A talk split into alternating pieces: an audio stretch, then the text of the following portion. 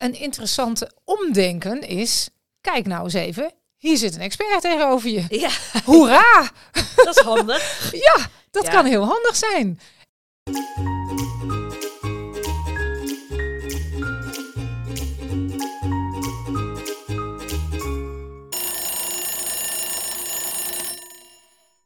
Welkom bij 10 minuten, de podcast over samenwerken met ouders in het basisonderwijs. Nou, daar zitten we weer, Annemarie. We zijn er weer. We zijn er weer. Ehm, vertel eens, een mooie casus aan ons. Een casus, ook een veelgehoorde casus. ehm, dat gaat over ouders van hoogbegaafde kinderen. Die dan vaak bij de leerkracht komen, in ieder geval in de ogen van de leerkracht. Met dat het nog steeds niet goed genoeg is, eh, dat het meer moet. Of ze wel iets doen met dit rap- rapport of dat, eh, dat advies. Ehm, dus veel vragen en veel zorgen delen. En ook veel adviezen geven. Ah, en Veel, zit het, hem vooral, veel. zit het hem vooral daar, veel adviezen geven, zich bemoeien, zeg maar, met de leerkracht? Soms is het niet letterlijk adviezen, maar wel. Ja, dat is soms ook zo. Misschien moeten we die dan nu even, e- even pakken. Dat, dat bijvoorbeeld mensen zijn die zelf ook of orthopedagoog zijn of leerkracht. En nou, echt wel denken te weten wat jij als leerkracht eigenlijk allemaal nog beter zou moeten doen of zou kunnen doen om het kind beter te bedienen. Ze gaan eigenlijk een beetje op jouw stoel zitten. Zeker, ja. Ja, ja. ja daar hoor ik leerkrachten ook wel eens over klagen. Heb je weer zo'n hoogbegaafde, of zo'n ouder met zo'n hoogbegaafd kind? Of een ouder die denkt dat zijn kind hoogbegaafd Die is. hoor hè? ik, eh, hoor ik ook veel. zo vaak. Ja. Ja, Ehm, en dan, dan ervaar je echt die weerstand bij de leerkracht ook, hè? ja. En die vind ik heel interessant. Want Vertel. waar komt die nou vandaan? Hè? ja. Ehm, we hebben vaker in, in dit soort casussen dat eh, we ons even kunnen afvragen van, eh, goh, is het ook te waarderen hè? dat die ouder zo bovenop het kind zit? We klagen best wel eens over niet betrokken ouders. Nou, daar valt deze misschien niet over, onder. Hè? Dat is eerder een overbetrokken ouder. Ja. Ehm, en zelfs ook heel erg betrokken op wat jij in de klas aan het doen bent. Mhm.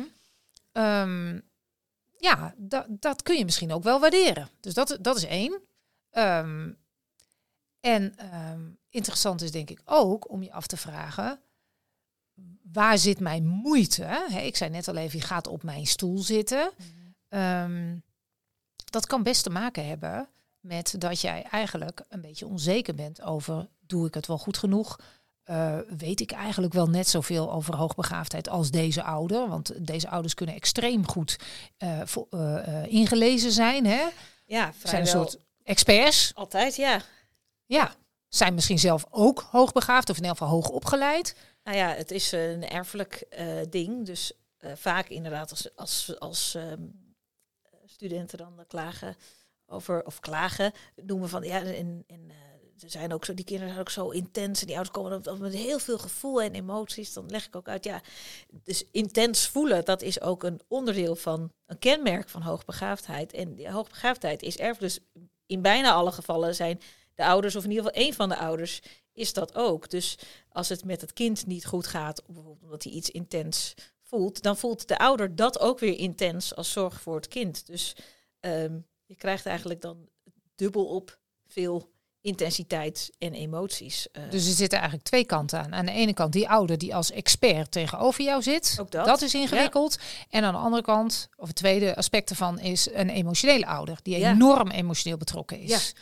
Oké, misschien kunnen we die een beetje uit elkaar rafelen. Want misschien vraagt dat ook twee verschillende dingen.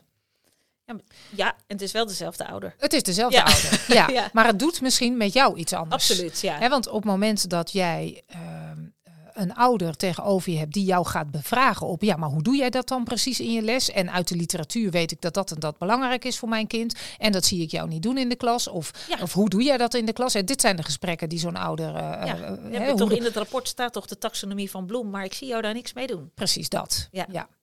Ehm, wat gebeurt er dan bij je binnen? Dat is interessant, want ehm, het kan zijn dat jij dan eigenlijk geconfronteerd wordt met "Oeh, die ouder die weet er misschien wel meer van dan ik. Dat hoor ik leerkrachten ook Ja. inderdaad, inderdaad vaak zeggen. Ja, ze weten gewoon eh, ve- veel, veel meer van. En wat ik dan vaak als neiging zie, is het voelen van... oké, dan moet ik me eigenlijk een beetje wapenen... tegen deze ouders of heel goed inlezen, zodat ik, ja, zodat ik op hetzelfde eh, niveau kan. Ik moet niet afgaan. Ze moeten mij wel blijven zien als de professional. Dus Dat. ik moet weten waar het over gaat. Ja. Ik ga heel hard werken. Ja, Hè? Eh, een interessante omdenken is, kijk nou eens even, hier zit een expert tegenover je. ja Hoera! dat is handig. Ja, dat Ja. kan heel handig zijn. En eh, eh, vaak zijn dit ouders die die rol heel graag willen hebben. Ja. Of willen toebedeeld willen krijgen van jou als leerkracht. Van, oh wat fijn dat jij dat rapport zo goed hebt bestudeerd. Vertel. Of, oh wat een goede tip. Nou, ik ga dat proberen. Ik hoor- Ja, je merkt inderdaad, als, je dat, als we dat in een gesprek omdraaien, in een rollenspel, dat in ieder geval bij de eh, leerkracht een soort ontspanning ontstaat van, oh, ik, ik hoef dus ook niet zoveel te weten over hoogbegaafd als die ouder. Want dat is namelijk ook echt een, niet een reële vraag eh, die je dan aan jezelf stelt. Dus je mag het ook gewoon samen ontdekken. En natuurlijk is het fijn als je je rapport wel leest, maar dan nog zal die ouder altijd meer weten dan jij. En dat geeft ook niet. dat mag oké zijn. Ja, En dat mag je ook gewoon zo. zeggen, hè? Zeker. Ja. Ja. ja en, en daar zit vaak de, de hobbel, denk ik. Van, oh jee, dan, de, als ik dat ga zeggen, ja, wat blijft er dan nog over van het beeld dat de ouder van mij heeft als professionele leerkracht?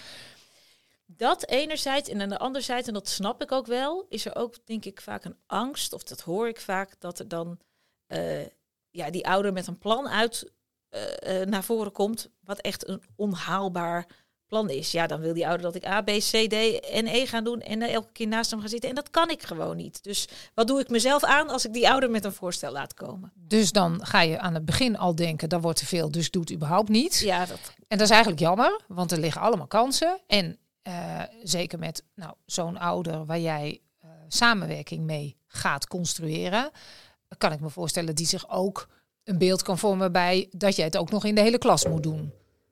Dat kan een ouder wel. En soms moet hij daar volgens mij wel even bij eh, geholpen worden. Ja. Dus volgens mij is het soms ook goed om te zeggen: ik snap dat dit eh, het beste zou zijn hè, als ik, eh, als ik even bij hem ga zitten in de opstart. En, en dat is voor mij gewoon niet haalbaar. Dus ik zie ook dat dat het beste voor hem is, maar dat lukt me niet. Dus om, om wel ook ehm, wel mee te willen denken, betrokken te willen zijn, maar wel ook een, eh, volgens mij een reëel beeld schetsen van in ieder geval wat op deze school voor jou wel en niet haalbaar is om te doen.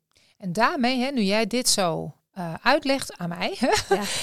eh, daarmee zie ik heel veel professionaliteit.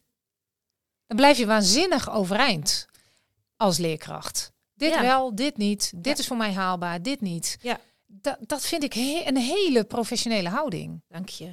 Nee, nee het is volgens mij is, helderheid dan vaak ook eh, fijn. Dus ik merk ook vaak dat leerkrachten willen blijven in. Oké, dan probeer ik maar een, belofte te doen. Ik wil die ouder tegemoet komen. Maar en de realiteit is dat je vaak niet helemaal aan die wens tegemoet kan komen. En dat het je ook niet helemaal lukt om een hoogbegaafd kind helemaal op maat te bedienen eh, in een eh, normale klas. Dat is volgens mij gewoon een realiteit. En het is, geeft heel veel rust als die ook gewoon op tafel ligt zoals die is. Dus dat je ook zegt, dit kan niet en dit kan ik wel doen. En dat, en Ja. dat wil ik ook doen. Ik zie ook wel eens dat de ouder dan zelf nog op school bijspringt.